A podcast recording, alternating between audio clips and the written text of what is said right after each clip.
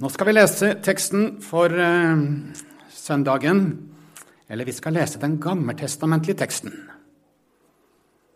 Fra Jesaja, kapittel 1, vers 16-20. Vi skal tenke på nå at vi er 750 eh, år før Jesus ble født. Det er i denne tida, så lenge før Jesu komme. Og det er en profet som heter Jesaja, som forkynner og som taler. Det hadde vært litt rart hvis vi hadde levd på den tida der og møtt disse profetene. De kunne si rett til kongen og til de som bestemte i landet, hva som var rett, og hva som var galt. De kunne forkynne rett ut 'Dette sier Gud'. 'Dette er galt. Det må dere slutte med.' Og så må dere komme til Gud og få nåde. Mange av profetene de møtte masse motstand. Folk ble sinte på dem. Og de møtte tøffe ting. Vi skal lese ifra Jesaja 1. Vi eh, ber først. Kjære Jesus, takk for alt det fine, viktige vi har blitt minnet om allerede. Takk at du er her. Takk at du taler til oss i dette ord, og takk at du kommer oss nær når vi samles i ditt navn. Ber om din Hellige Ånd. Ber om at du møter oss nå. Amen.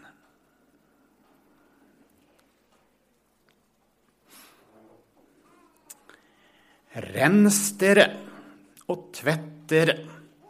Ta deres onde gjerninger bort fra mine øyne. Hold opp med å gjøre det som er ondt. Lær å gjøre det gode. Legg vind på det som er rett. Vis voldsmannen på rett vei.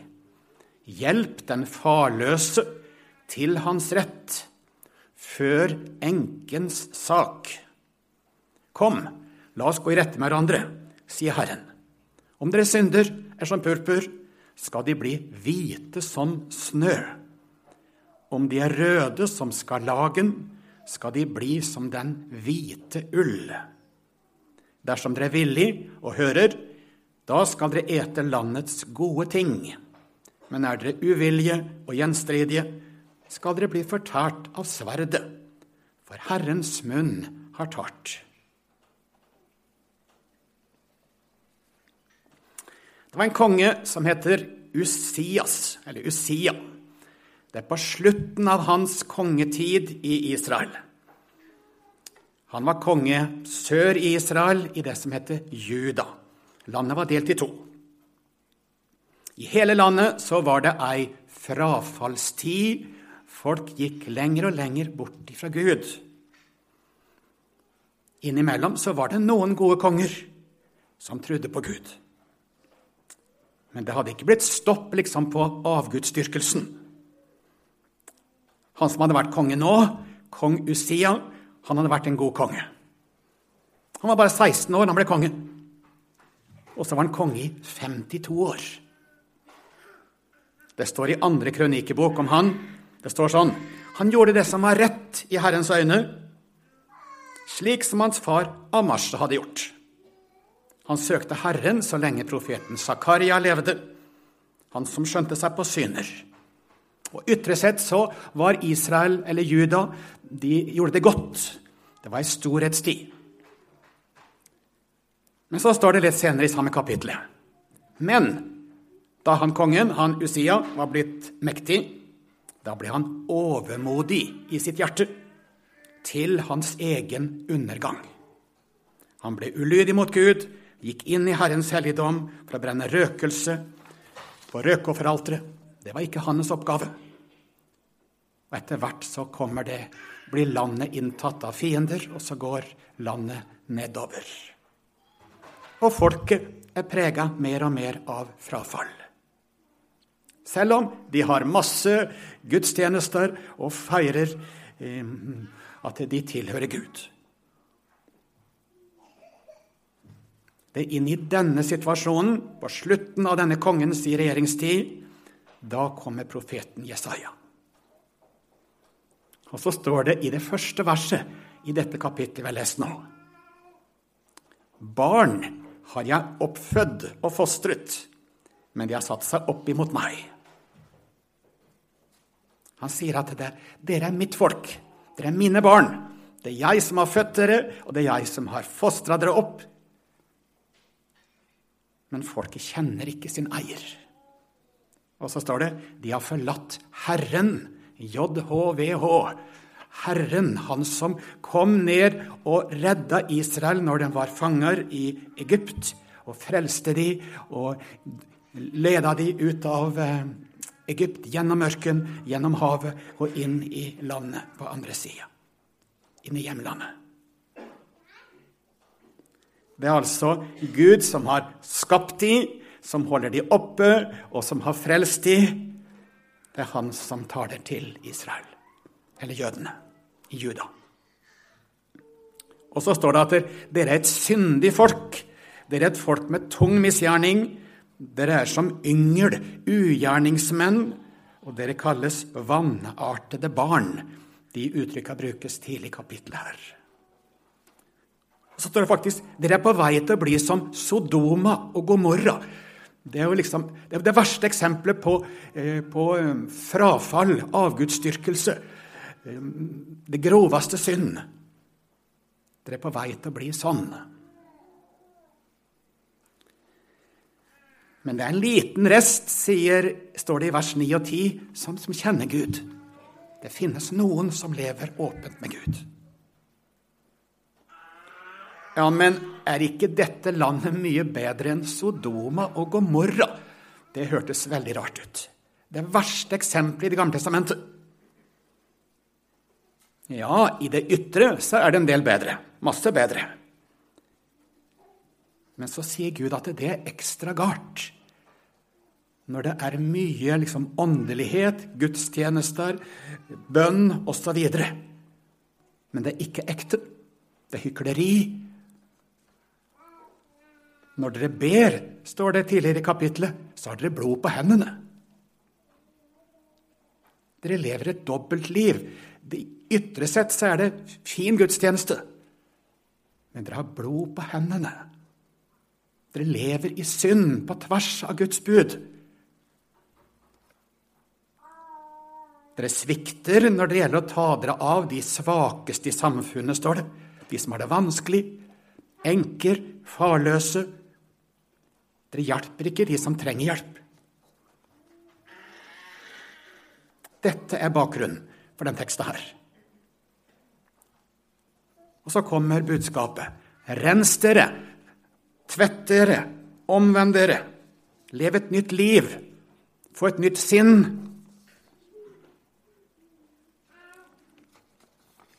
Gud kaller dette folket til oppgjør, eh, inviterer til oppgjør. Og så står det om syndene er som purpur eller skarlagen, så skal de bli hvite som snø. Jeg prøvde å finne ut litt om de der fargene, men jeg ble ikke så veldig klok. For det, det ser ut som at noen oversettelser de oversetter purpur der andre sier skarlagen, og motsatt. Så det er nok omtrent sammen med fargen.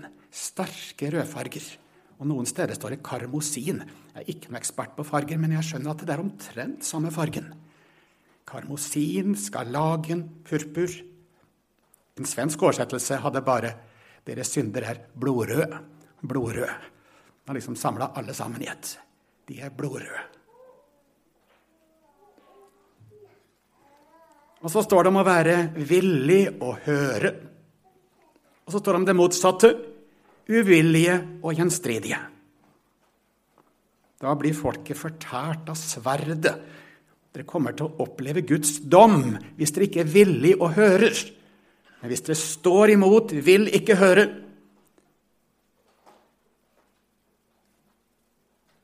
da går det galt med de. For Guds munn, Herrens munn, har tart. Hva er det Gud vil si oss? Hva er det Jesus vil si til oss i dag gjennom dette?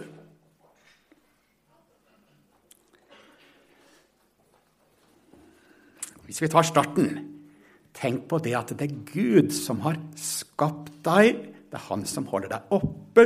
Det er Han som har frelst deg. Det er Gud som gjør at hjertet ditt slår når du våkner om morgenen.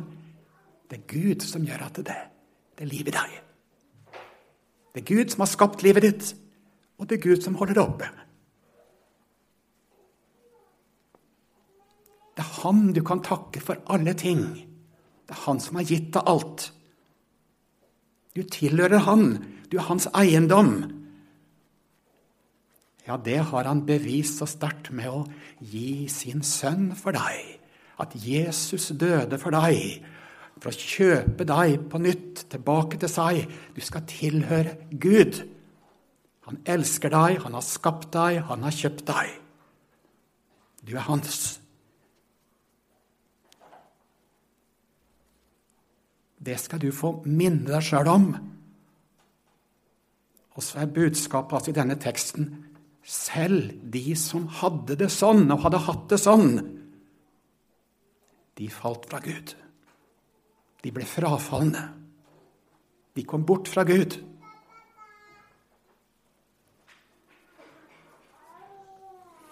De hadde ikke noe hjerteforhold til Gud lenger. Da må vi spørre eh, har jeg et hjerteforhold til Gud, til Jesus. Det står om å ha forlatt sin første kjærlighet. Kristendommen er blitt liksom det ytre. Men livet med Jesus, det, det er dødd ut.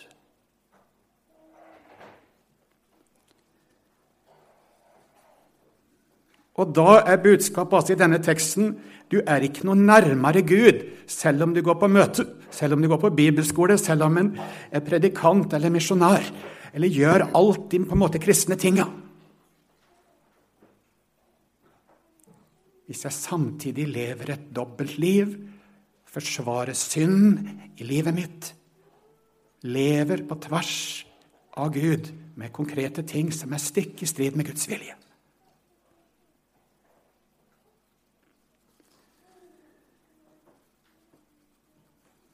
Jeg er ikke noe nærmere Gud enn den som er på gata, som har ødelagt livet sitt i det ytre. Jeg er ikke noe nærmere Gud om jeg har en på en måte ytre kristen fasade.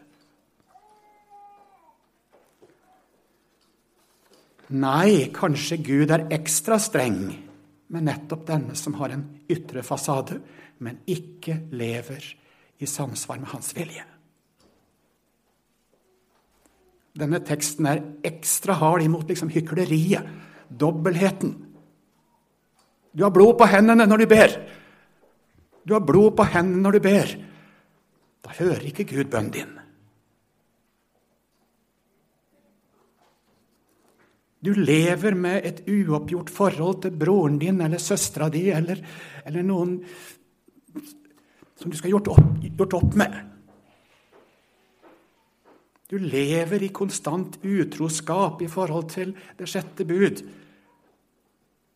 Du lever i, en konstant løgn med en, et område av livet ditt. Du lever med en konkret avgud som du dyrker.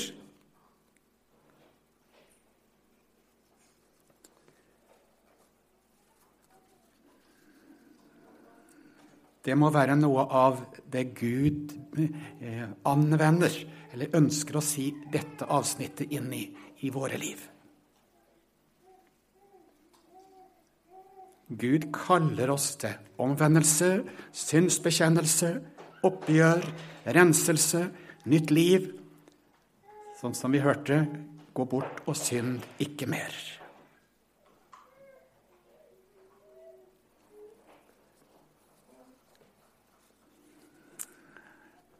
Samtidig så merker vi et, et hjerte hos Gud som er så eh, så varmt.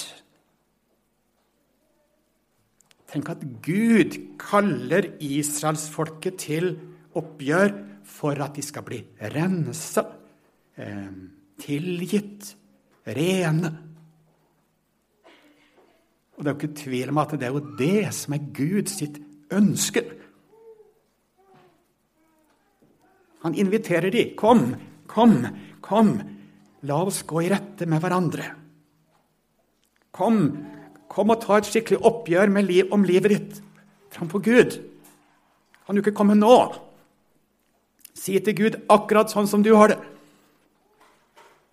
Si rett ut hva som er det du sitter fast i, det du ønsker å skjule, hvis det er noe.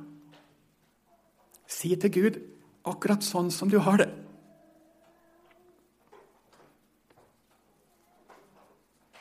Det må det uttrykket om å gå i, i, rette. Gå i rette. Det handler om å, å bli ferdig med det, få lagt det bak seg. Få starte på nytt.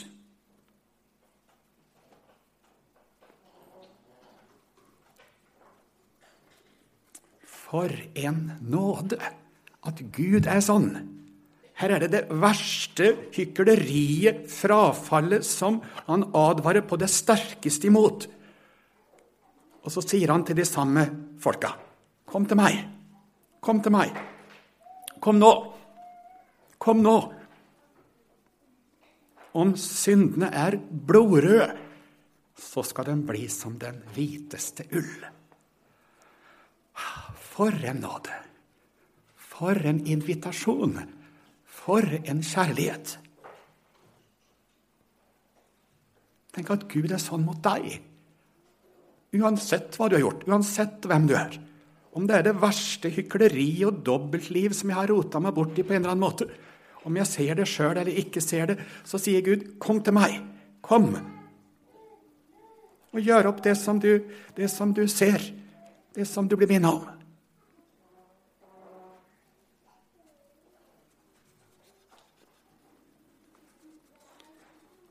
Det røde, som står da for det syndige, som roper om dom og, og, og straff, egentlig. Jeg tenker på når Kain hadde drept broren sin Abel, så står det at det blodet det, liksom, det ropte til Gud. Det ropte til Gud om dom. Og her står det at synda er blodrød. Og så står det at det kan bli hvit som snø. I Det gamle testamentet er det på grunnlag av det som skjedde på den store forsoningsdagen som skulle gjelde hele folket.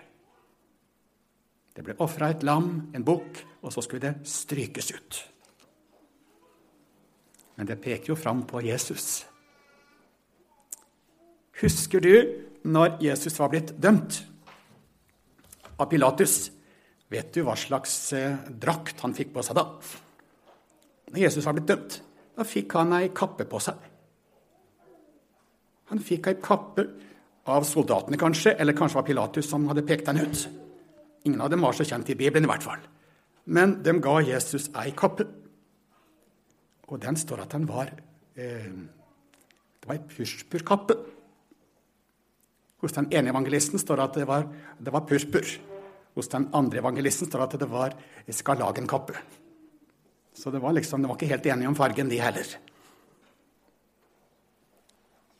Men det var akkurat samme fargen på den kappa som Jesus fikk, som han tok på seg når han var dømt til døden. Jeg syns det sier så fint. Jesus har tatt alt dette på seg. Jesus tar det på seg alt sammen. Det blir som en kappe som legges over Jesus. Og så tar Jesus dommen, og så tas det bort alt. Alt som er urent. Og Dermed så kan du bli hvit som snø for Jesus skyld. Ved trua på Jesus. Jesus kommer med renselse nå. Kommer med renselse, sin nåde. Vi skal få ta imot det helt konkret i nattverden konkret renselse for all synd med Jesu legeme og blod. Du tar imot også nå når du hører Guds ord, evangeliet, hva Jesus har gjort for deg.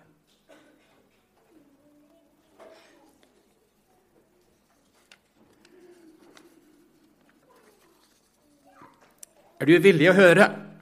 sto det. Er du villig å høre?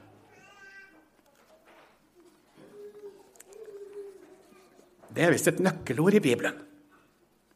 Er du villig å høre? Det hender vi ikke syns vi får så mye ut av en tale eller det vi leser.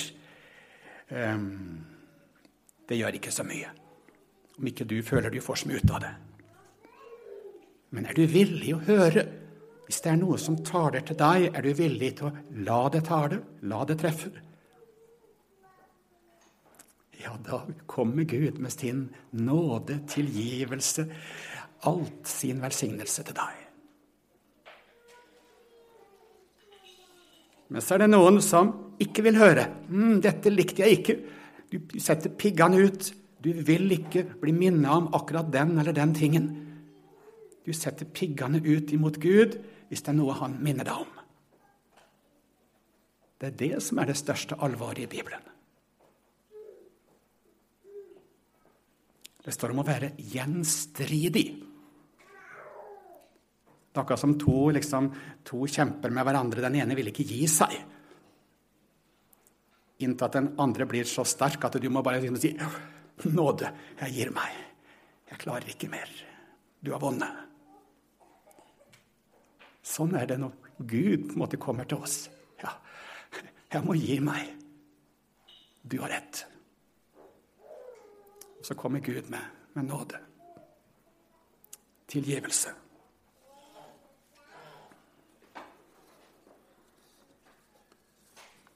Det var det jeg hadde lyst til å dele med dere nå. Vi skal be.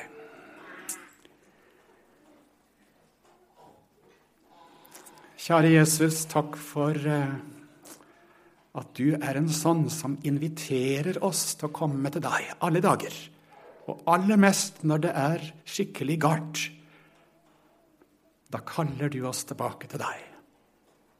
Takk at du er en sånn en Gud, en sånn en frelser.